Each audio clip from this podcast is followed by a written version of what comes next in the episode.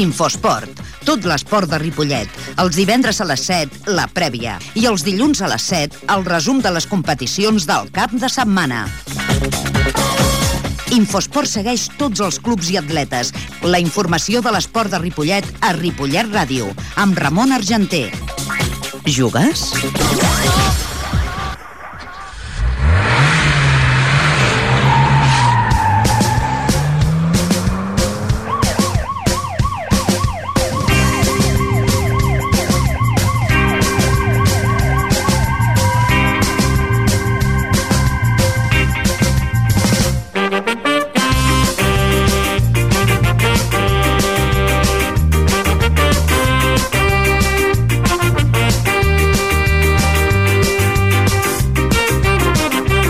Tarda, estem a la sintonia en 1.3 de l'FM. Són les 7 i 5 minuts i comencem ja el programa dels divendres d'Infosport, que avui tindrem, doncs, eh, Manuel Torres, eh, parlarem del partit del Ripollet que ha de jugar aquest cap de setmana a Mollet. També parlarem, doncs, del partit que ha de jugar la penya partida Pajaril, el camp de la Cardedeu, a l'equip de l'Escola Futbol Ripollet, que s'estrena al camp de la Farga, a l'Esdila, que jugarà contra l'Esclap i Sarrià, i també els partits de futbol sala, bàsquet, tenis taula eh, hockey i bàsquet femení. I tenis taula, que tenen jornada de descans. I tindrem també, avui com a convidat, tindrem el president del Club Hockey Ripollet, Albert Figueres, i també recordarem les paraules que vam mantenir amb l'entrenador del Club Hockey Ripollet en el partit que han de jugar precisament avui. Avui divendres a un quart deu han de jugar a, al camp de la pista del Bartino, a dalt de tot del carrer Balmes, doncs el partit de la Lliga, la segona catalana, però no sabem si jugaran eh, o no jugaran, perquè no tenen porters degut al que va passar la setmana passada, que després en parlarem. Per tant, avui, quan tocava la secció de moment del hockey, la deixarem pel final perquè així el farem que el president escolti les declaracions del seu entrenador. Hem de dir que, per exemple, ja sabeu que el Ripollet la setmana passada va perdre a casa, va perdre davant del Banyoles, que líder d'aquesta competició és l'Àvia, que té 12 punts, la Mollet en té 10, Manresa i Ripollet 9, amb 8 punts Granollers, amb 7 punts tenim el Horta, Premià i Figueres, Canyelles amb 6, Palau amb 5, Tudor la Peira amb 4, Tona 4, amb 3 punts tenim el Palafrugell i el Banyoles, i el Farners amb 2, i amb un punt el Gironella, el Mataró i el Caçà de la Selva. Anem a recordar les paraules de l'endelegat Manuel Torres, que deia que, que lògicament, sí. que lògicament, doncs, eh, hi ha dues baixes molt importants perquè cap de semana. Pues ya ves, los equipos se cierran, vienes aquí, se te cierran, se te complica y luego lo que estamos hablando, arriba pues estamos muy justitos, estamos buscando también un delantero más a ver si pudiéramos conseguir algo, porque la verdad, ahora es lo que estamos hablando, ahora mismo teníamos un balón, Rubén estaba en racha, hoy no ha tenido la suerte su día, y claro que decimos, aparte solo tenemos, como veis, un delantero centro goleador y nos cuesta, nos cuesta por ese mismo motivo. Y el domingo, claro, se irá con otra moral a Mollet, ¿no? Sí, lo vamos a ver, ¿no? Nosotros la semana que viene, pues es lo que hablamos, un partido nuevo, con lo que tendremos, intentaremos pues ir a por el partido, hemos, ya hemos ido otras veces con más o menos con bajas y hemos puntuado todo lo que se podamos sacar allí. Ahora mismo lo que decimos, se acaba de empezar la temporada, la temporada es larga y todo lo que sea sumar o algo, pues bueno, la mala, como decimos, la mala suerte del traspié este, que bueno, nos, nos retrasa un poquito, bueno, no nos atrasa, pero bueno, seguiremos en la lucha. ¿Qué, vas, qué ves? ¿Mejor equipo, Alavia o al Mollet? Eh, la verdad es que no sé cómo estará Mollet, sabemos que más o menos Alavia no lo sabemos, sabemos que es un equipo recién ascendido, que tiene buenos jugadores, pero lo que hablamos, llevamos cuatro jornadas, no sabemos tampoco cómo puede estar ni un equipo ni el otro. La Vía estamos viendo que le cuestan que le hagan goles y aprovechan sus oportunidades y se lleva ganando. Mollet sabemos que sí que será complicado, tiene más o menos el mismo bloque con cuatro o cinco refuerzos. Bueno, lo digo, ahora mismo tampoco podemos decir o algo aquí, porque de aquí a dos partidos aquí da la vuelta, Granollers se te mete, se te mete eh, Marto, eh, hablamos. Hoy venía un equipo que no había ganado y hemos visto cómo se ha defendido. Gironella nos vino con lo mismo sin haber vencido ninguno, nos defendía bien nos, y nos costó ganar. Y hoy pues lo mismo. O sea, ahora mismo acabamos de empezar la temporada y de aquí a, estamos hablando hasta que no llevemos 10, 12 partidos, no veremos verdaderamente quién será los que estaremos ahí arriba peleando por, por esos seis puestos que darán el ascenso. Yo decía entre mí, ¿de dónde son? ¿De Bañolas o de Mantequilla? Pues la verdad que sí, porque ha sido un equipo que, como hemos dicho, marrulleramente hemos, hemos visto que la marrullería le ha venido muy bien, que a la mínima caían al suelo, parecía que los habían matado, y nada más hacía que te acercaras para pegar un brinco y encararse y provocarte y exactamente, no sé, la verdadmente, o sea, veníamos, sabíamos lo que decíamos, que era un equipo que venía abajo, no había ganado todavía, eh, estaba necesitado de puntos, venían buscando más o menos como un empate y mira, afortunadamente se han llevado tres puntos, mmm, bueno, merecido o inmerecidamente, no lo eso ya es opinión, ¿no? Pero bueno, es lo que vemos. Suerte y a ver si se recuperan los tres puntos en Mollet. Sí, eso esperamos y a ver la semana que viene, ya le digo, miraremos a ver de sacarlos y si no, pues mira, todo lo que sea, si podemos sumar algo, bienvenido será. Futbol, futbol, futbol. Les paraules del delegat Manuel Torres, que a més a més, doncs, per el partit contra Mollet no podran comptar amb el golejador Rubén ni tampoc amb Marc Gomà. Per aquesta setmana seria la jornada número 5, s'enfrontarien el Tudor la Peira contra el Granollers, el Banyoles contra el Premià de Dalt, el Farners contra l'Àvia, el Gironella contra el Tona, el Caçà de la Selva contra l'Horta, el Canyelles contra el Figueres, el Manresa contra el Palafrugell, el Palau contra el Mataró i el Mollet contra el Ripollet. Un Mollet que la setmana passada va empatar a 0 gols al camp del Granollers. Un Mollet que és eh, segon amb 10 punts, a dos del líder, que és l'Àvia, amb un Ripollet que és quart amb 9 punts. Per tant, el Ripollet encara ho té aquí i jo crec doncs, que els jugadors estan plens de moral i, a més a més, doncs, hauran de multiplicar, haver-hi aquestes dues baixes, molt importants dues baixes, i jo crec que poden treure un bon eh, resultat i el bon resultat seria guanyar el camp del Mollet per continuar anant aquí, a les primeres posicions, perquè ja sabeu que aquest any doncs, els sis primers pujarien, en aquest cas ara pujarien l'Àvia, el Mollet, el Manresa, el Ripollet i el Granollers i l'Horta i es quedaria amb portes al Premi de Dalt. El que passa que estem, doncs, lògicament, a la jornada número 5 eh, del campionat, i el diumenge a les 12, Mollet-Ripollet.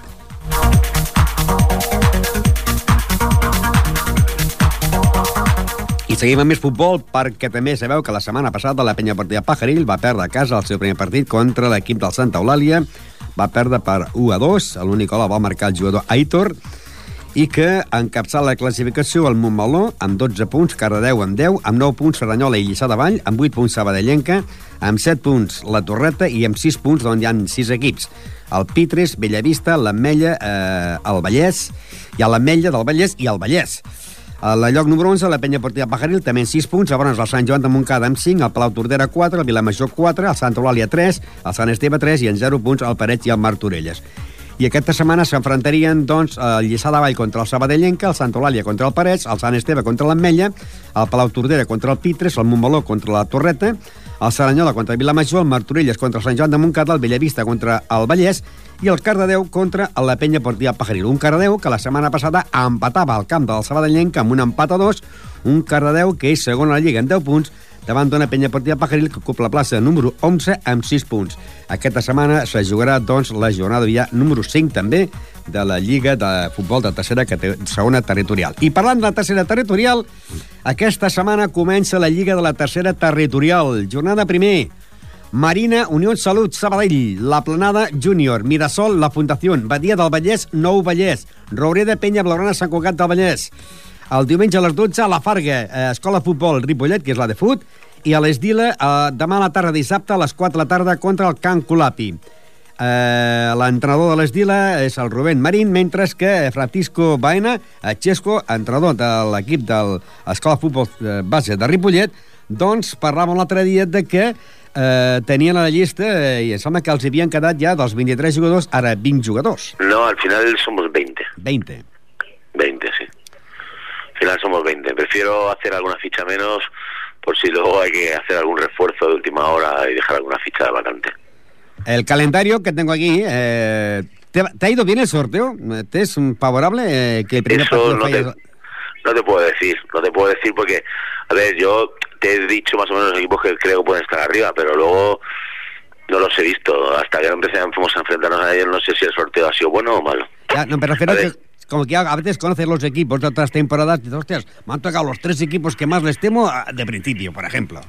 Sí, pero luego se le van tres tíos que son importantes en su esquema y lo que fichan no es de igual calidad y de un año a otro pues puede bajar un equipo. Porque claro, nos depende si han mantenido la plantilla, se han reforzado bien. Nosotros, por ejemplo, esta semana vamos al campo La Farga. La Farga el año pasado en su casa le ganemos y ellos al final la segunda vuelta no ganaron aquí. Si han mantenido el grupo y han fichado bien, pues puede ser tener un rival muy complicado. ¿Vosotros habéis pedido este grupo o os ha tocado por casualidad? No nos ha tocado. O sea, nosotros no pedimos ni cambio ni nada, nos, nos, nos ha tocado. Porque a veces hay que decir, mira, a mí me gustaría más jugar el del Vallés, yo el de Sabadell. El Sabadell es más complicado, ¿no? Nosotros confiábamos, el de Sabadell es más, más complicado, y nosotros confiábamos pues que nos mantuvieran exactamente el mismo grupo del año pasado. Pero entre los equipos que han ascendido, gente de otros grupos, porque el Santa Perpetua que estaba el año pasado en nuestro grupo me parece que ha pedido cambiar de grupo, la Sí. Llagosta también ha pedido cambiar de grupo. Entonces, claro, estos equipos al causar baja del grupo han cogido pues para completar de Sabadell y bueno, pues es, es el grupo que hay con este juego contra estos equipos jugaremos e intentaremos hacer la mejor campaña posible. Pues y supongo que jugaréis este domingo contra la Farga, ¿no? El domingo contra las Fargas, sí, a las 12. Eh, y supongo que ya tienes la, toda la plantilla de, de jugadores a punto. ¿Ya tenéis el equipo decidido o no? A ver, hemos jugado cinco partidos de, de pretemporada y hemos repartido los minutos para todo el mundo, para probarlos a todos, que todos empiecen la, la liga en lo mejor en forma posible. Y bueno, ha habido resultados de todo tipo, hemos sacado conclusiones y bueno, el domingo ya más o menos el equipo, más o menos, depende de cómo entrenemos esta semana y cómo entrene la gente, más o menos lo tengo decidido, claro. La Farga será el ri- primer rival y luego el primer rival en casa sería la Marina.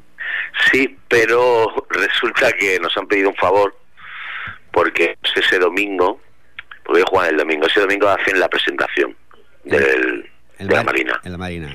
Y entonces pidieron por favor el presidente y un directivo y tal, a pedirnos el favor, de por favor que cambiáramos, fuéramos nosotros allí para que, como es la presentación y tal. Y entonces, pues bueno, por cortesía con ellos, pues vamos primero allí. Entonces jugaremos tres partidos seguidos fuera. Sí, porque el otro ya sería en el campo de la Unión Salud de Sabadell también. Sí, y luego el siguiente es contra la Unión Salud. Bueno, pues sería importante, ¿no? Empezar con tres victorias en campo ajeno. Hombre, sería lo ideal, sería lo ideal. Pero bueno, ya veremos. Hay que jugar los partidos y ya veremos. Aparte, dejando el equipo, ¿cómo ves la junta directiva? Porque se han hecho do- dos directivas, una para el deporte base, para los equipos Sí. de base, y otra para el primer equipo. Sí, este año habéis para- incorporado también al Scorpion como equipo veterano vuestro. Eh, no, a ver, es ve- sí, bueno, es, es veterano nuestro también, sí. Pero es, también se gestiona aparte, digamos, ¿sabes? se, gestiona, se autogestiona entre los jugadores. Yo juego también con los veteranos. Del Scorpio. Del, sí, bueno, ahora nos, pero- nos no. llamamos veteranos de... Veteranos de, de- de- de la escuela. De la escuela. Bien, bien. Sí, sí. Y algunos de los jugadores que yo tenía el año pasado que han causado baja también han pasado a ese equipo, como el Gustavo y el Juan, Al Gus. Silvio. Sí. Estos jugadores ya este año no están y, ah, y se, han, se han incorporado a los veteranos. Y yo, pues, lo que he subido son chavales del juvenil, o sea que he bajado la media de edad. Pues ya veremos. Ahora, porque la escuela sí tiene juveniles, ¿no? Sí, he cogido tres, cha- mm, tres chavales del juvenil nuestro y luego tengo dos chavales que han subido del juvenil del Ripollet que también están conmigo. Diego y Alex Porras. Pues esperemos, la gente pues tardará, tardará días en ver eh, al equipo vuestro, porque claro, eh, jugáis ese partido en la Farga, ese cambio de horario y cambio también, no de horario no, cambio de, de- de calendario para jugar eh, en el campo de en Sabadell frente a- Sí. al equipo que, que jugaréis este, que os ha pedido pues que la presentación, que es el equipo de, de la Marina, y luego, eh, claro, otra vez fuera. Eh, Sí, ahora nos pegaremos tres semanas seguidas jugando fuera, sí. bueno, Pero luego me parece, si no recuerdo mal el calendario, jugamos dos partidos seguidos, por casualidades del calendario, jugamos dos partidos seguidos en casa. ahora también era muy buen, muy bueno, muy bueno la segunda vuelta que los tendréis los tres en casa. Claro, claro, es que también hemos valorado eso. Si ahora no tenemos un mal arranque y, nos conseguimos ponernos más o menos con los equipos de cabeza y tal, luego en la segunda vuelta empezamos con tres partidos en casa, claro, sí, sí es importante. Futbol sala. Futbol sala. I bueno, també el futbol sala de Ripollet va començar a l'equip de la preferent eh, catalana, grup eh, tercer, la setmana passada a la Lliga. Va sortir amb victòria davant del Cornellà per 6 a 4, amb 3 gols de Xavi, que debutava, eh, dos gols de Sergio Sánchez i un de Cristian, i que líder amb 3 punts són el Sansur, les Plugues, l'Alella, el Ripollet D i el Sant Just i el CRC de Castelldefels. Amb un punt tenim el Xarxa i l'Sporting Prat i en 0 punts el Llac Ostense, Viladecans, el Cornellà, el Cervelló, el Sant Colell, Llinars, el Castellàs i encara no ha començat la Lliga i la penya Blaugrana de Castelldefels s'ha retirat de la competició. Aquesta setmana el Ripollet tindria que jugar al camp del Xarxa, però al motiu de la festa del Pilar, doncs els jugadors del Xarxa o la directiva del Xarxa va demanar el Ripollet, a l'equip B, d'aquest partit, doncs, ajornar-lo, i, per tant, aquesta setmana, el partit que tenia que jugar a la segona jornada del Ripollet, a l'equip del B, al camp de la pista a la xarxa, el partit que tenia que ser a les 6 de la tarda, aquest partit no se jugarà. El que sí se jugarà serà el primer, eh, l'equip primer, o sigui, el de la Lliga Nacional, que serà la jornada número 4, després de que la setmana passada perdés a casa davant del Club Natació Sabadell per 1 a 4, amb l'únic gol de Nando. Encapçar la classificació l'Hospitalet i les Plugues amb 7 punts, amb 6 punts Escola Pia Sabadell, Bar Micasa, La Unió, Club Natació Sabadell, Premià de Mar, eh, i ara amb 4 punts tenim el Calvià, el Ripollet, el Vilassar de Mar amb 3 punts, el Ripollet, el Martorell també amb 3 punts, el Mataró amb un punt i amb 0 punts que va Santa Coloma i Sant Cugat. Tenint en compte que aquest grup és de 15 equips i serà la Lliga, ho repetim, molt dura perquè són 15 els equips que juguen aquesta Lliga i 8 els equips que baixen. Aquesta setmana s'enfrontarien el Club Natació Sabadell contra el Gavà, el Sant Cugat contra el Martorell, les Plugues contra el Premià de Mar, el Mataró contra l'Hospitalet, el Vilassar de Mar contra l'Escola Pia Sabadell, el Calvià contra Santa Coloma de Gramenet, descansarà la Unió de Santa Coloma i el dissabte, a partir del 2 quarts de set, el Bar Micasa eh, jugarà contra el Ripollet, un Bar Micasa que la setmana passada guanyava 5 a 10 al camp a la pista del Martorell un uh, bar Micasa que ocupa, doncs, en aquests moments el lloc número 4 de la competició amb 6 punts amb un Ripollet que està en zona de descens amb 3 punts. Anem a recordar les paraules del de ex-entrenador del futbol sala de Ripollet, Antonio Estremena, que accidentalment o momentàniament o temporalment és l'actual president del futbol sala Ripollet. Sí, de momento hasta que alguien se ponga aquí, pues hay que echar una mano al club. Hoy la presentación de los equipos, da emoción, ¿no? Después de muchísimos años ver tantos equipos aquí en la pista. Pues vaya, vaya así de emoción tener todos los pequeños que algún día alguno acabará en el primer equipo o más para arriba del primer equipo.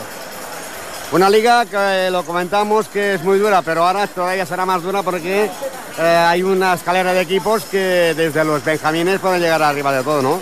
Sí, para eso se trabaja con Fernando, Sergio, Bayón, todos los entrenadores y los coordinadores de, de la categoría inferiores para que el día de mañana aparte que se eduquen como personas, que es lo más importante, que bueno que alguno llegue al día mañana al primer equipo y, no solo el primer equipo, si tenga la posibilidad de jugar en división, ¿no? porque no sería una gran ilusión para este club. Y para eso hay que mantener el, el, el equipo de Liga Nacional y el, el, equipo B. Sí, muy importante. Y más este año que con la reestructuración de la Federación Española de Fútbol, que de nueve grupos en España deja cuatro y, y, se, y nuestro grupo bajan ocho equipos. ¿eh? Es más, eh, nosotros esta nuestra tercera jornada y el grupo de Aragón empieza hoy porque tiene 14 equipos. La jornada pasada el Ripollet perdió, pero ha ido bien porque no hay nadie que se despunte. Los que ganaron perdieron. No, está claro que el, el Hospitalet Sport y el Esplugas Sala 5S van a ser los que opten por el título. Para mí va a ser el Hospitalet, pero me sorprendió el Vilasar, que es el otro gran favorito, que, que empezó la semana pasada porque la primera descansó y empató en casa con el Calvía, un recién ascendido de, Nacional a Nacional de Mallorca.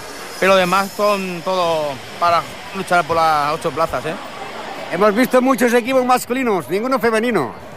Bueno, el femenino es la Cancló, que tiene dos equipos. Nosotros, este club, desde el primer día siempre ha sido masculino. No, no que no tengamos nada contra el equipo femenino, pero eh, si algún día llega, tiene que llegar, que llegue. Ya ofrecimos la posibilidad del Cancló de que una fusión. Pero nunca os habéis planteado de hacer algún equipo de... Si no me equivoco, Antonio, el anterior presidente ya estuvo hablando para que la Canclós estuvo ahí para, para que se fusionase también, pero no quieren que llevan su nombre, pues no, nos parece bien. Este presidente en funciones, ¿hasta cuánto funcionarás? Yo, ojalá salga mañana uno que, que lleve la, la del club y yo me pondré a ayudar en, eh, en otras bases a, a, los equipos. Yo no tengo ningún problema. Yo, y ojalá, ojalá solo sea un año bajo mi punto de vista, ojalá solo sea un año y el Tinaja venga el año que viene otra vez, ¿eh? porque este su club es suyo. Eh, ahora por temas laborales no puede, pero a ver si el año que viene puede volver otra vez a la casa. Amb vol, amb vol. I ara aquest cap de setmana també, doncs, la... aquesta setmana estia, estem ja dia 10 d'octubre i a partir de la propera setmana, que serà 17 d'octubre, començarà la Lliga de Handball ja de la tercera categoria, grup A, on està l'equip del Ripollet. El calendari, la primera jornada s'enfrontarien el Gramunt contra l'Igualada, el Guard de Gràcia de Sabadell contra el Sant, Sant Ot, el Sant Llorenç contra el Sant Quirze, el Sant Miquel contra el Serranyola, i descansarien el Pardinyes i el Sant Pedor. Aquests són, perdó, el Pardinyes jugaria contra els Sants i el descansarien el Sant Pedor i el Ripollet. Per tant, començarà la Lliga la setmana que ve i començarà descansant pel Ripollet.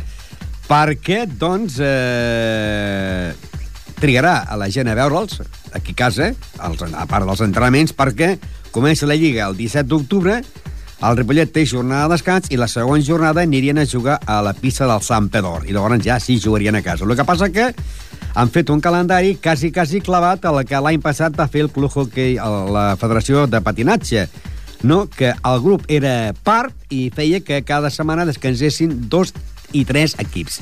En aquest cas, el grup també és impart i cada setmana descansen, descansen dos equips. Aquesta setmana, com dèiem, descansarà... Bueno, aquesta setmana no, comença la Lliga el dissabte que ve i diumenge que ve, no?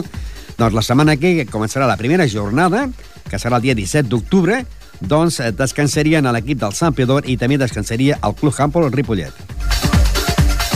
Tenis taula, tenis taula, tenis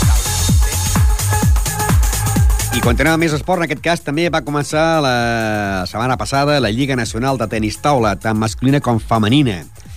A la primera jornada, doncs, com ja sempre diem, que els calendaris de la competició d'aquesta divisió d'honor masculina, divisió d'honor femenina i primera divisió nacional masculina i femenina es fan per motiu de desplaçaments. Per tant, a la primera jornada només hi van haver només que tres partits. El Helios de Saragossa va jugar contra el Casa Astúries eh, de León i va guanyar l'equip de León per 2 a 4, mentre que el Finca Ripollet jugava contra l'Avilés d'Astúries guanyant per 4 a 3 i el mateix Avilés d'Astúries l'endemà, el diumenge jugava a la pista al Sabadell i perdia i guanyava el Sabadell per 4 a 2. Varen descansar en aquesta jornada el Bàscara de Girona, el Calella, l'Arteal de Santiago de Compostela, el Santa Eulàlia d'Eivissa, el Calella i l'Ètico Sant Sebastián del País Basc. La classificació amb dos punts la capçalen Casa Astúries de León, el Falcons de Sabadell i tercer el Finca Ripollet, tots amb dos punts, i la resta d'equips, Atlético Sant Sebastián del País Basc, l'Artel de Santiago de Compostela, el Bàscara de Girona, el Santa Eulària d'Eivissa, el Calella, l'Helios de Saragossa i l'Avilés d'Astúries, tots amb 0 punts.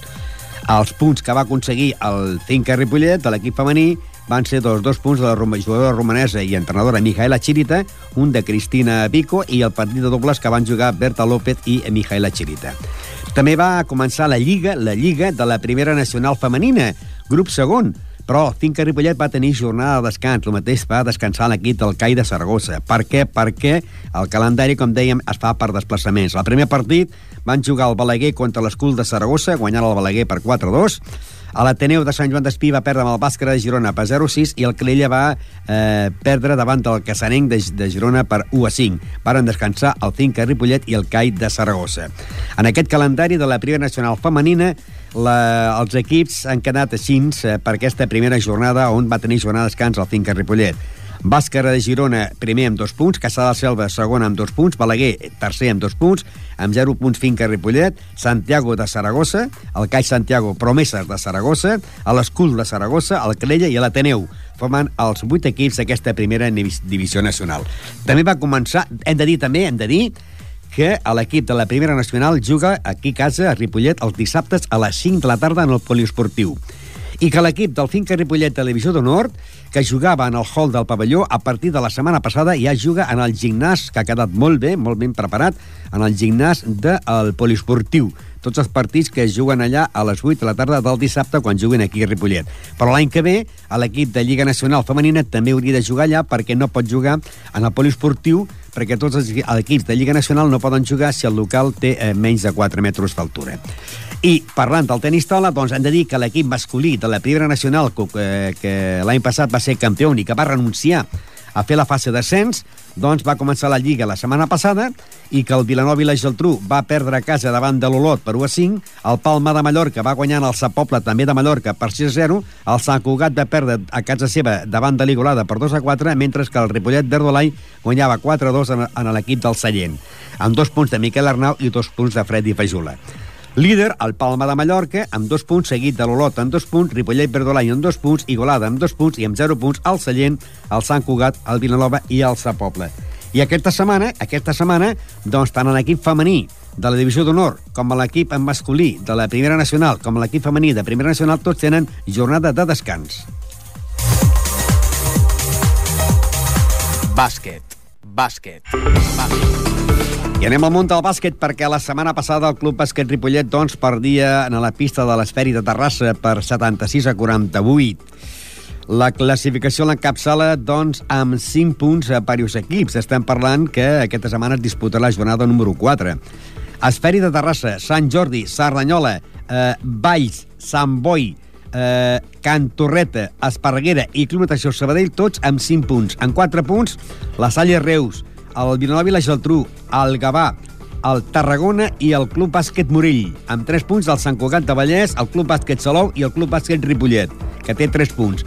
Aquesta setmana s'enfrontarien el Club Natació Sabadell contra el Sant Cugat, el Tarragona contra el Gavà, la Salle Reus contra el Can Torreta, el Valls contra el Salou, el Morell contra el Sant Boi, el Sant Jordi contra l'Esferi de Terrassa, l'Esparreguera contra el Serranyola i el Ripollet jugarà el diumenge a partir de les 7 de la tarda contra el, la parròquia que és de Vilanova i la Geltrú.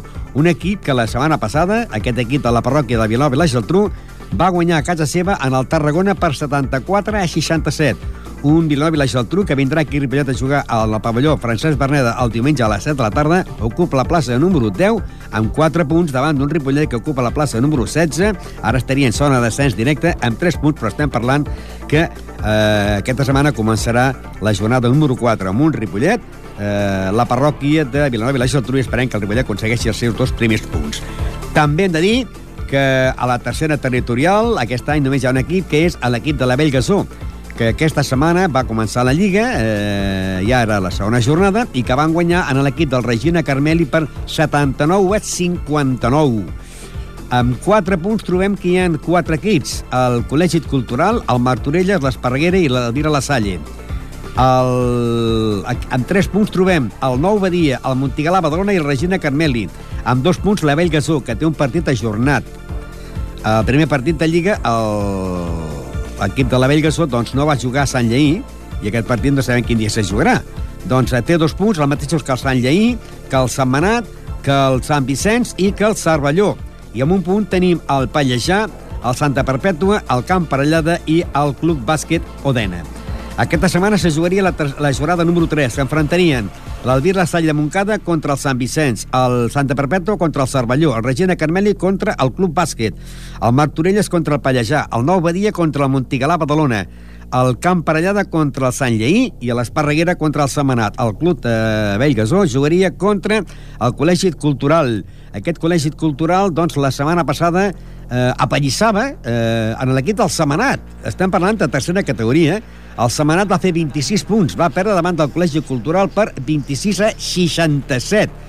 El Col·legi Cultural és l'actual líder per millor coeficient, perquè té 156 punts a favor i 68 només en contra, doncs jugarà contra el Ripollet.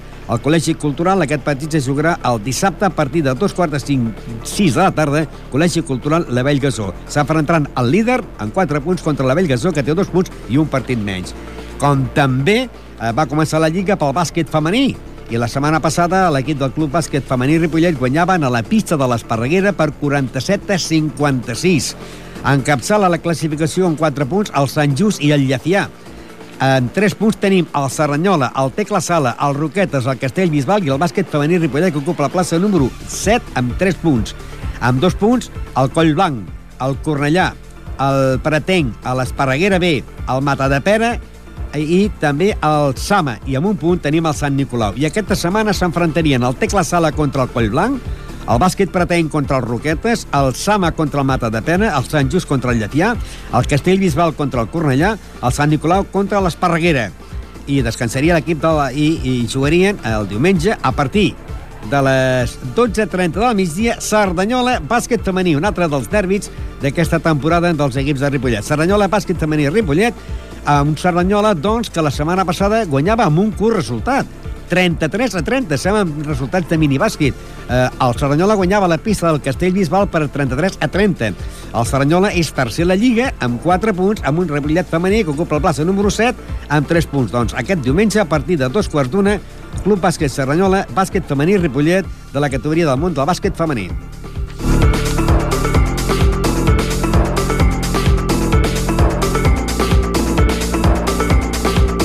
Tenis. Tenis. I també hem de dir que el món del tennis doncs, també va començar la Lliga i eh, l'equip del tennis Ripollet va guanyar 5 a 0 l'Universitari amb un punt d'Ivan Parnejo, un d'Àlex Moya, un d'Albert Alberola eh, i eh, un de eh, Gabriel Quintana i l'altre va ser en el partit de dobles. Aquesta setmana tenen jornada de descans i el proper jornada seria a la pista de la Pobla de Claramunt. Estem parlant per la Lliga d'absoluta de més de 18 anys. I pel que fa a la Lliga de més de 40 anys, l'equip del Club Tenis Ripollet va perdre la setmana passada contra el Camp Malic per 3 a 2, per 3 a 2 i l'únic punt el va fer Manolo Pérez i també l'altre equip de dobles. Fem una pausa i entrem en el món del hockey. 91.3 FM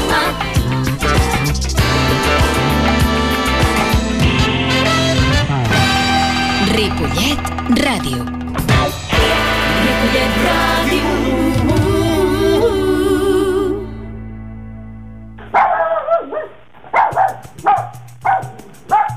El qui s'ho diu que tots els dimarts de 5 a 6 de la tarda el pots escoltar a Peluts, l'espai de Ripollet Ràdio que dona veu als animals abandonats. Ja ho dic, Quisso, ja ho dic, al 91.3 de la FM i online des del web ripollet.cat. Peluts, un programa de la protectora Spam. El sonido desde los 80 tiene un sitio cada lunes en la 91.3 de la FM. Desde las 6 a las 7 de la tarde viajaremos en el tiempo. Los éxitos más importantes en el grabófono. ¿Te apuntas? Los lunes de 6 a 7 de la tarde. Soy Paco Soriano.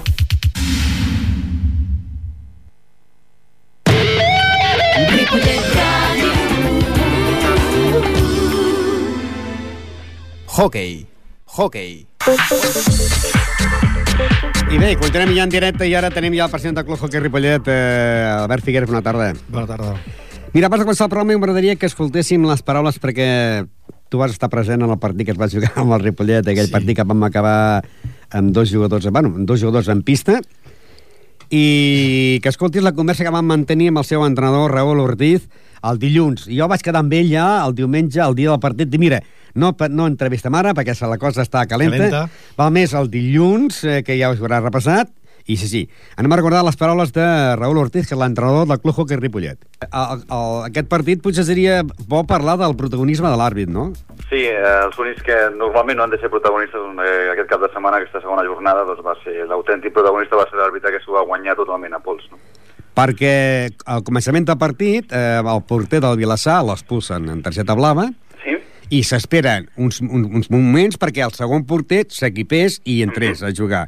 Correcte. A, el mateix fet passen al Ripollet i l'àrbit suspèn el partit perquè l'àrbit, el, el, el del Ripollet no estava preparat. És correcte? Bueno, la, les circumstàncies en aquell moment eren de dos jugadors de pista només, en aquell moment, perquè Sí. nosaltres vull recordar que vam, vam arribar a estar fins a sis vegades en powerplay, és a dir, inferioritat numèrica, fins a sis vegades durant tot el, durant tot el partit, i en aquell moment, ja falta de 5 minuts i mig, i la situació tal i com estava, doncs ens donava dos minuts per, evidentment, per canviar, per substituir un, el segon porter, doncs eh, també una altra targeta vermella, per la qual l'única alternativa que teníem era equipar un jugador de pista amb equipació de porter. A falta de 5 minuts i mig i tal com estava la situació jo havia de sortir a pista amb dos jugadors de pista i un porter i un jugador de pista convertit en porter doncs el més, eh, lo més, la decisió que vam prendre en aquell moment va ser que, que s'acabés el partit. I jo crec que també de caire premi antidesportiu va ser quan estàveu jugant amb dos jugadors, Mhm. que aquella gent marqués un gol i ho celebressin com si Sí, sí, sí. Home, esteu jugant contra dos, per dos, dos, dos jugadors, si sou quatre contra dos, has marcat a gol, aneu guanyant, doncs... Ho celebres, però no com si haguessis estat campió de- d'Europa. Sí, sí jo, jo, crec. Jo crec que havia... Lògicament, la remuntada que estàvem fent nosaltres en la segona part, vull recordar també que la primera part, tot i el resultat del 0-3, amb el que vam arribar al mig, al, al mig temps, doncs nosaltres havíem llançat 29 vegades a porta, per 9 d'ells. És a dir, la nostra, la nostra intensitat en atac l'únic que no tenia era efectivitat de cara a porta, no? però intensitat en, en el xut i, en, i ofensivament en teníem. A la segona part, lògicament, sortim amb, amb, amb una empenta eh, i un aire fresc per, per reprendre la segona part i comencem a fer una remuntada, jo crec que espectacular. Vull recordar que vam fer 5 gols Sí, en sí, aproximadament sí, sí. Uns, uns 18 minuts. Jo tinc apuntat, si no vaig apuntar malament, al minut 9, el 0-1 favorable a ells, al minut 11, el 0-2 i el minut 18, 0-3. Però que la segona part, al minut 2, Gerard Aran posa l'1-3, a, a, a seguidament Cesc posa el 2-3 i Pol Vallès el, el, el pat a 3. Exacte. Jo, jo crec que si les, les circumstàncies, eh, o, o millor dit, si no haguessin comptat amb, amb l'ajuda de l'àrbitre, eh, el Vilassar s'hagués vist molt apretat perquè els teníem realment on nosaltres volíem que era una, eh, trencar una miqueta el, el seu joc, el seu ordre, que per l'altra banda s'ha de reconèixer que tenia un ordre de pista bastant, bastant efectiu, però que vam aconseguir trencar-ho tot just començar la segona part. Estàvem amb aquesta dinàmica, amb aquesta inèrcia positiva d'arribar a fer aquesta remuntada i fins i tot estic convençut d'acabar guanyant aquest partit, però l'àrbitre no ens va deixar. O sigui, que aquest va ser el motiu per qual el resultat doncs, i, i la finalitat del partit va ser aquesta, però realment jo crec que, que nosaltres havíem fet un plantejament, eh, l'equip va sortir amb moltíssima intensitat, amb moltes ganes, i això doncs, eh, també d'alguna manera era una cosa que el Vilassar també havia de tallar d'alguna forma. Com? Provocant. Eh, els meus jugadors doncs, van caure amb aquesta provocació i al final els perjudicats vam ser nosaltres. No? Per què? També perquè l'àrbitre també doncs, ja ens havia anat eh, avisant, no? Eh, Vull recordar també que ens va arribar a pitar fins a 20 faltes. Sí, sí. Ens van llançar 5 faltes directes i un penal. Vull dir que tot i així, totes aquestes adversitats, nosaltres continuàvem en pista i continu continuàvem, continuant anant a l'atac. Vull recordar Sí, que sí, fins i tot sí, els sí. jugadors de pista continuàvem buscant el gol va ser, va ser impossible. Les circumstàncies van ser aquestes. Jo crec que aquest, aquest àrbitre no era un àrbitre preparat. Era el mateix que havia pitat la base tot durant tota la tarda, havia estat pitant el Benjamí, i no, era, no és un àrbitre per pitar un, un segona, i més en aquestes circumstàncies perquè no va actuar de forma eh, lògica i objectiva. En una situació així, el més lògic és eh, tranquil·litzar, calmar els jugadors, i tot el que va provocar va ser tot el contrari. Eh, jo m'enfronto la següent jornada sense porters. De dos porters que tinc, el primer, l'expulsió de targeta vermella pot ser més o menys eh, entendible, la que no comprengués la segona, que la va fer davant meu a la banqueta, el meu segon porter, el- el Parera, que s'estava equipant per sortir a pista, li va treure la vermella simplement per protestar. Pots donar una, una advertència, estàs deixant un equip ja no inferioritat, l'estàs deixant sense banqueta, perquè ens va deixar l'equip pelat, entre faltes, entre targetes blaves, expulsions, les vermelles posteriors, i una sensació de tensió que va provocar ell mateix, perquè ell podia haver perfectament haver tranquil·litzat el, el ritme de partit. Perquè nosaltres amb, amb l'altre equip no teníem res, no, absolutament res. No, jo no, bueno, tu vas veure el partit i jo crec que no hi va haver sensacions No, no, no. dures de partit. És hockey, és un esport de contacte i evidentment quan un equip vol remuntar un partit doncs lògicament l'ha de posar tota la cara a l'assador. Però per, per donar també una anècdota curiosa ens va, se'ns va apropar la banqueta i ens va dir que si el públic continuava cridant i insultant-lo que parava el partit. Dic, "Això- ets un àrbitre, ja saps com funciona això, estàs jugant a casa i estàs perjudicant el partit a, a l'equip local. No esperaràs que, que aquesta gent a sobre t'aplaudeixi. Home, no? és que gent- és arribat que- una hora més tard. Si ho hagués fet bé, la, la gent no hagués, no hagués uh, xiulat, m'entens què vull dir? Perquè va fer la ment. Jo a mi em va estranyar molt que, com va pitar els nanos, va sortir l'àrbit amb patins. Sí, sí, I en sí. canvi, vosaltres, que era el, el joc més ràpid, va sortir sense patins. Sí, des d'enguany poden fer-ho, o en teoria si tenen, si tenen patí, tenen patí, vull dir, saben patinar, poden sortir a pista a pitar els encontres amb, amb, amb patí, això ho hem vist en, també en moltes competicions eh, internacionals i també en algunes nacionals, que els àrbitres van amb patins. En el nostre cas, doncs, no, no, no va pitar sense patins, però el que me, més em va sobtar és la seva actitud, és a dir, li faltava, pel meu, pel meu punt de vista, molta experiència en, en pitar partits de segona catalana. Ara, com queda aquest parit? Aquests minuts que falten es pot jugar? S'han de jugar? No, no, no, el partit es va donar per finalitzat amb el resultat que hi havia en aquell moment, que era un 5 a 7, a falta de 5 minuts i 20, crec que estàvem al minut 5-20 Sí. per, per acabar el partit, i això es queda així, es queda així perquè jo tampoc no tenia, no tenia recursos per continuar el partit. Eh, sortir a pista hagués estat només eh, per encaixar més gols, així de clar. Tampoc ens interessava encaixar més gols en contra, de cara a una possible classificació i el tema de coeficient més endavant, i no, no, no tenia sentit. Vull dir, amb dos jugadors de pista i un porter, o un jugador de pista convertit en porter, aguantar aquests dos minuts, sí que és veritat que podia recuperar un jugador al cap de 10 segons, crec, perquè també hi havia bastant de lío amb això, perquè tenia tanta gent fora que, que, Clar. que, que, que el control de, de la gent que quan podia entrar era una mica liós, fins i tot pel, pel, pel meu delegat, i, i la veritat és que era una sensació que jo crec que tal com estava el partit en aquell moment, bastant calent, crec que lo millor, la millor opció va ser aquella, no? És una llàstima perquè hi ha una jornada que, doncs, hi ha, a més, hi ha dos equips que tenen sis punts, que és el Riu de Villes i el Corbera. Sí, sí, Esclar, sí. jo momentàniament, els punts i la victòria, la meva classificació particular, no els hi ha donat en el Vilassar. Ah. Eh, per tant, el ja haig anotar els sis punts. O sigui, ja és definitiu, eh, Sí, sí, sí. sis punts. No? Nosaltres, eh, lògicament, intentarem prendre algun recurs de cara a la federació perquè analitzin eh, l'actuació d'aquest col·legiat, aquest àrbitre, i veure quina és la seva resolució. No esperem res eh, del nostre costat, però sí que ho intentarem almenys doncs, alegar de cara a la propera jornada, que és que no tenim, no tenim porters, perquè tampoc el club compta ni amb un juvenil ni amb un júnior, que són les dues categories que podrien optar a reforçar la, la porteria, perquè un infantil no, no, no està permès. Clar, sí. Dues, saltar-se dues categories no pot ser, a part que tampoc eh, no em passa ni pel cap posar un infantil, alinear-ho amb un infantil per un equip de segona. Clar que per un no. partit de segona.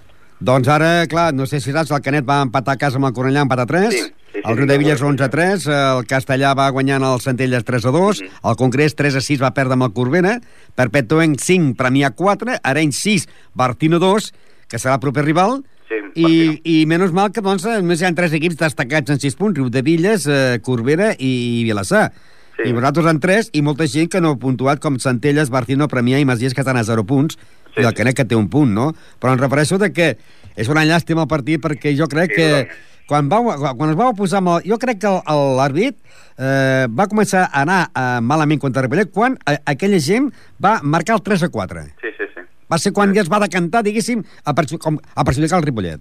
Sí, eh, eh, aquesta seria la paraula i la forma de, de, de classificar-ho, o sigui, aquesta va ser un assaig absolut cap a nosaltres, perquè faltes també en feia el Vilassar, en canvi només estava veient les nostres.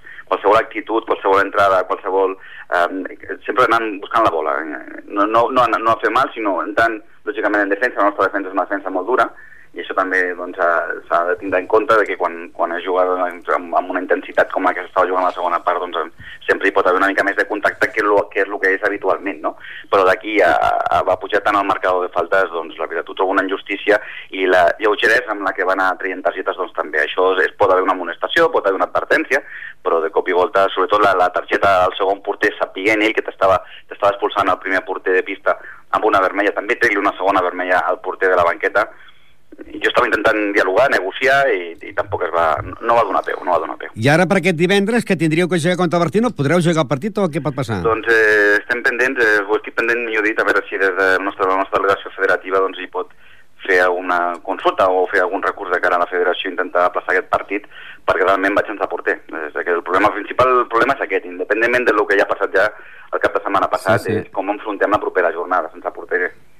O equipem un porter, de, un jugador de pista de porter o intentem fer un aplaçament. No és un, no és un partit difícil, però evidentment el que no es pot, per molt, per molt fàcil que pugui ser un partit, que no ho és cap, eh, és anar amb, sense porter. Això, és, eh, això seria una, una bogeria, no? Perquè ens hi juguem tres punts més. I a més són vitals. Jo havia fet un primer plantejament que en aquestes tres jornades aconseguir tres punts, per el qual afrontar-nos amb el Barcino ja i després d'aquest setmana de la jornada número 3 eh, estar amb 9 punts i amb una situació còmoda de cara a la taula de classificació, però això no ha estat possible per el que ha passat aquest cap de setmana i sobretot per el que se'ns planteja de cara a la propera jornada, que no, ja, ja veurem com, com ho resoldrem. Jo suposo que, que bé, que alguna solució trobarem. Doncs, eh, mentre estava escoltant aquesta intervenció, de, que ha durat 10 minuts 22 segons, de Raül Ortiz, hem tingut una trucada de la Federació de Patinatge. Sí, exactament. Ha sigut, eh, bueno, després d'haver intentat molts contactes dintre de la federació, doncs hem aconseguit que ens dongui la cautelar per un porter i aquest eh, ja l'havíem aplaçat al partit del Barcino del divendres al dissabte, que serà de dissabte a les 18 hores, a les 6, i ara m'acaben de confirmar que sí que tenim la cautelar perquè un porter dels dos expulsats pugui jugar el dissabte. Que serà, de quin pot jugar? El que estava a la banqueta? No, o el que van expulsar... A l'últim que van expulsar. L'últim- En aquest cas és el Mele. Vale. Què t'ha semblat l'entrenador? Bé, no? M'ha semblat coherent, m'ha semblat coherent dintre de que eh, té molta raó de moltes coses, eh, també ell i jo hem parlat i amb la Junta també ha parlat, a l'entrenador, després d'haver parlat de tot el partit, com va anar i què és el que va passar, també vam tindre una reunió amb el, amb, amb el sènior, també vam parlar amb ells, i entenem que són unes circumstàncies que no és la primera vegada, tampoc es repeteix, però també entenem que l'àrbit pues, no va estar a l'altura de, de, del partit. De totes maneres, eh, l'explicació que els hi van voler donar una mica als sèniors va ser la de que bueno, aquests partits ens els trobarem molt i més si estem amb aquesta... Bueno, com ja sabeu, també hem fet un canvi intentem que el sènior eh, aspiri a pujar de categoria per això hem portat també un entrenador pues, que, que dongui garanties d'això, que és molt professional i que a més a més ho intentarà amb aquest projecte d'aquest any o del següent.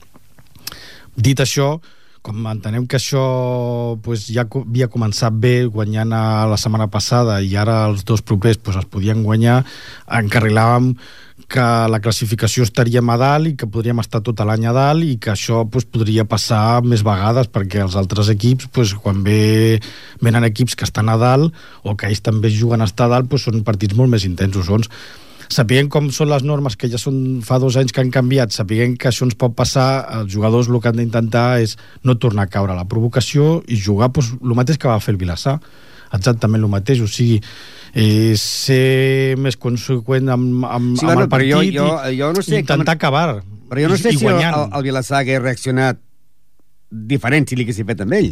Ah, Clar, és clar. El, Sí, segurament que sí, però, però les circumstàncies eh, al, al final té un desencadenant i el desencadenant segurament en aquest cas va ser en contra del Ripollet però va ser perquè podés, podés parlar massa amb l'àrbit, podés se l'apreta massa l'àrbit i llavors l'àrbit acaba decantant-se o, de, o, o, o amb aquest, des, eh, amb aquest, eh, amb aquest sistema de, de d'arbitratge que hi ha ara, les faltes van caient contínuament. I clar, se te van sumant. I quan més provoques i quan provoques, quan més parles, més la- l'apretes, més li, li, li, li intentes eh, pressionar l'àrbit, pues més, més es decanta cap a les faltes d'un o de l'altre i això com se te va sumant encara es posen més nerviosos i encara acaben sent més faltes i més faltes directes i uns penaltis, expulsions i això al final porta que els partits es perden la majoria de vegades per això. Perquè ara els dos porters, per exemple, eh, el primer porter que van expulsar, a qual partits hi poden caure? Un només, era? Un partit o...? Aviam, quan és targeta vermella, eh, indudablement és un partit segur. segur. Falta que ara eh, pues, el comitè de competició ens digui, tregui la circular i ens digui, pues, pues, per l'informe que he rebut del, de l'àrbitre, pues, a tal porter li cau un o dos o tres, a l'altre li cau dos, tres o quatre, i al jugador pues, un o un és indiscutible per cada un. I els jugadors que, clar, el Ribet es va quedar en dos pistes. Aquests poden jugar al partit d'aquesta Els que tenen blava, sí, i els que no van tindre sanció, pues, eh, afortunadament tenim una plantilla àmplia i dels 10 jugadors que n'hi han de pista, més, o 11, més dos porters, pues, queden pràcticament 7 o 8 per poder jugar de jugadors. El que no ens queden són porters. I aquest partit es tenia que jugar avui, no? I, i Avui. S'ha plaçat el dissabte a les 6. I eh, ja dic, estàvem aquí escoltant i eh, no tan directe la, la, la trucada de la federació perquè estàvem amb l'entrevista, estava la gent de, de la ràdio escoltant doncs, aquesta entrevista. No? Que era algun directiu de la federació o ni empleat de la federació? No, era el president de la Federació Catalana de, de Patinatge. Vam estar allà escoltant, eh, com que emitim per internet, vam estar escoltant a la Guai i han dit, coi, que la, jo, veritat, eh, eh, jo fa 25 anys que estic fent el món de l'esport i no havia vist mai un àrbit tan dolent, tan dolent com aquest àrbit. Eh? Jo n'he vist alguns. Jo com aquest I àrbit aquest també dolent, eh? ho era dintre... Es podria classificar que sí, que també era de... Més que... eh, Se li pot dir dolent o se li pot dir eh, amb poca mà esquerra, perquè aquests partits s'han de saber portar amb mà Però si és esquerra. dolent, perdona que et talli, que quan es va acabar el partit vaig fer fotografies i no em van sortir les fotos. Anar cap al partit del Victòria, no m'han sortit, quedat negres les fotos Quedat que vaig fer a l'àrbit, imagina't. Si és dolent, que no va aparèixer ni les fotos. No va aparèixer ni les... Bueno, no va aparèixer ni les fotos ni va aparèixer per ningú puesto perquè no ens va deixar que això la federació també ens està donant la raó i suposo que una mica per totes les explicacions que hem donat i per tots els recursos que hem intentat plantejar-li a la federació eh, pues al final ens ha donat aquesta cautelar que és una cosa excepcional, també s'ha de dir perquè no, no és lo normal que donin una cautelar a, a un porter per jugar la següent jornada però és perquè ell tampoc ens va deixar de fer un protesto al final, perquè mm, com a club tant abans de començar el partit com a, com a mig partit, com a final de partit, nosaltres podem ficar un protesto dintre de l'acte. I ens tenim tres dies per, per explicar aquest protesto, però és que es va acabar el partit i es va tancar en banda i no va voler saber res. I no ens va deixar posar protesto, cosa que la federació pues, suposo que l'advertirà i li tocarà una mica la cresta també al, a l'àrbit perquè això no, no, no està permès. Nosaltres tenim tot el dret a posar un protesto i després poder-lo enviar al comitè perquè sàpiga la nostra explicació i tot plegat va ser tu no el vas veure a les fotos o no va sortir però és que no va sortir d'enlloc o sigui, ni de la caseta, sí. ni de la caseta hasta que també amb una, jo crec que amb una amb, un, amb una consideració per part d'ell bastant negativa cap al club va avisar els Mossos quan no feia ninguna falta avisar els Mossos perquè tampoc va ser un partit ni, ni, ni, ni calent en el sentit de que els jugadors es van, es van amenaçar ni es van pagar No, ni, no, ni dir, tampoc li ni van públic anar tampoc, ni ni, el ni el públic. tampoc ni tampoc van anar darrere de l'àrbit amb la qual jo crec que ell va voler justificar l'avís L'únic que als va anar Mossos darrere l'àrbit vaig ser jo per fer les fotos, Sí. que no em van sortir. ell va voler justificar el truc als Mossos, suposo per, per, per la clausura d'haver acabat el partit a 5 minuts o a 4 del final i per poder justificar una mica perquè, perquè s'havia acabat el partit. Doncs nosaltres la intenció de que ja, ja feia dies que estava comiat el Club Hockey Ripollet no era per parlar d'aquest partit, era per No. parlar en general de, de, del Club Hockey Ripollet i sobretot doncs, de, de, de, de la, de la, de, del treball que està fent l'equip base, no? Però esclar, al passar això aquesta setmana doncs, i la, la casualitat de tenir el president, em vull que escoltés les paraules del seu entrenador Raúl Ortiz. A part d'això, queda sanjat, un jugador podrà jugar, se jugarà demà, esperant que acabi en victòria, i els minuts que resta, que queden pocs, és per parlar de, de, de la base. Com està la base de Ripollet? Pues la base està creixent, està creixent i força.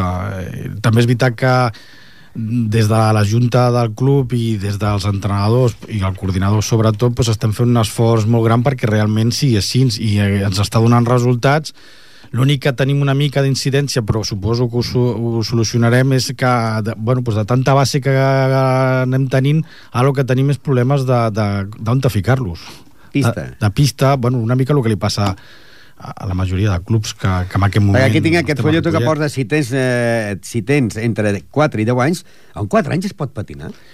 Sí, avui en dia tots els clubs, no, ja no solament de hockey, sinó de qualsevol altre O sigui, l'estic deu ser, el deu passar 3, un metre amb un nen de 4 anys, no? Ja, eh? Bueno, però iniciar-se és lo fundamental. Ah, Aviam, dintre dels... De, això, això en el món de l'esport pues, eh, cada dia està més comprovat, però, però dintre de que facin... Que, que puguin començar molt aviat, no solament és perquè, perquè agafen una dinàmica i quanta més base tens, pues, molt millor Clar, perquè primer els jugues. ensenyeu a patinar. A patinar, a patinar.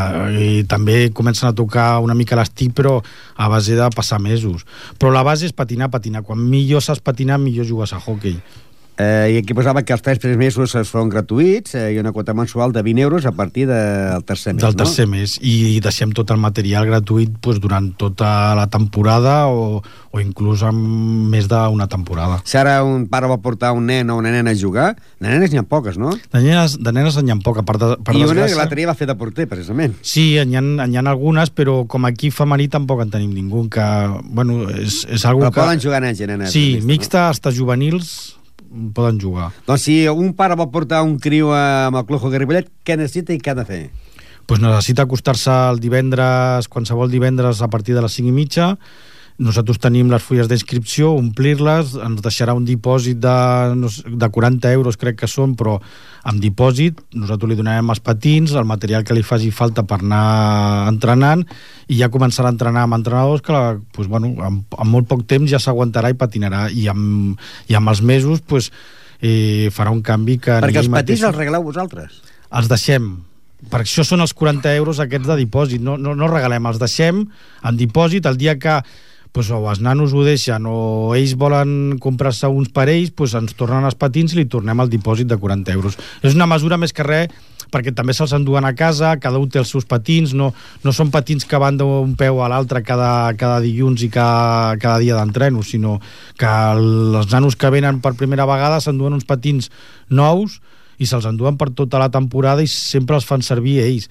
Llavors, com una mica de mesura, el que fem és tindre un dipòsit per si algú no tornés o no apareixés, pues, pues, bueno, tindre aquest dipòsit. Però en el moment que canvien de patins, eh, els hi tornem els cèntims. Però això és per els nens que comencen, no? Però si ja hi ha un nen que eh, ve de Saranyola o ve de Montcada i ja està jugant eh, i el, el posen aquí a Ripollet, la quota és diferent? O... La quota és diferent pels federats, sí, però és una quota que en relació i segur que algú, tothom que m'escolti del món del hockey i, i que estigui en un club ho sap, és molt, molt, molt baixa. Nosaltres, eh, una de les polítiques que tenim és aquesta, eh, que només paguen 36 euros al mes, això, doncs, cada any fem les comptes dels equips i les, de, i les ensenyem a tots els equips i ells mateixos es donen compte que amb aquesta quota l'únic que fan és pagar als entrenadors, la resta de coses que...